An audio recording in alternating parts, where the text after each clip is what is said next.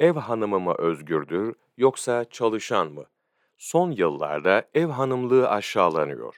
Kadınları çalışma hayatına itebilmek için önce evden soğutmak gerektiğini düşünmüş olmalı oyun kurucular. Ev işleri küçümseniyor, bedava işçilik, hizmetçilik olarak görülüyor.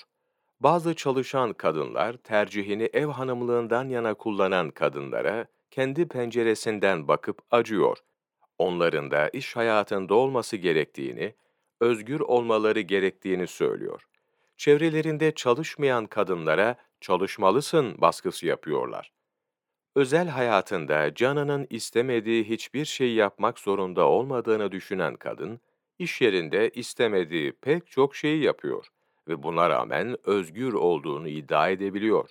Oysa ev hanımı, dışarıda çalışan kadından çok daha fazla özgürdür. Ev hanımları tüketici gibi görülüyor. Oysa ev hanımları sevgiyle pek çok şey üretir. Bir ev hanımı hem eş, hem çocuklarının öğretmeni, hem aşçı, hem terzi, hem sağlık memuru ve daha birçok meziyeti kendinde toplayan kişi. Dolayısıyla aslında toplumun mimarı.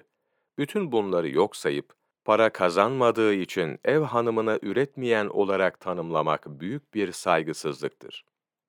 Bir kadın, evinin işini yaptığında, çocuğunu büyüttüğünde üretime katkıda bulunmuş sayılmıyor, tam aksi ev kadınları tüketici gibi gösteriliyor. Fakat aynı kadın çalışıp bu işleri başka birine yaptırınca, işi para karşılığı yapan diğer kadın üretime katkıda bulunmuş sayılıyor.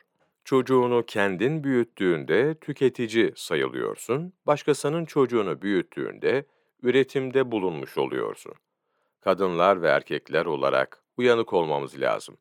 Kadın ve erkek arasına nifak tohumu ekmek isteyenlere fırsat vermemek gerek.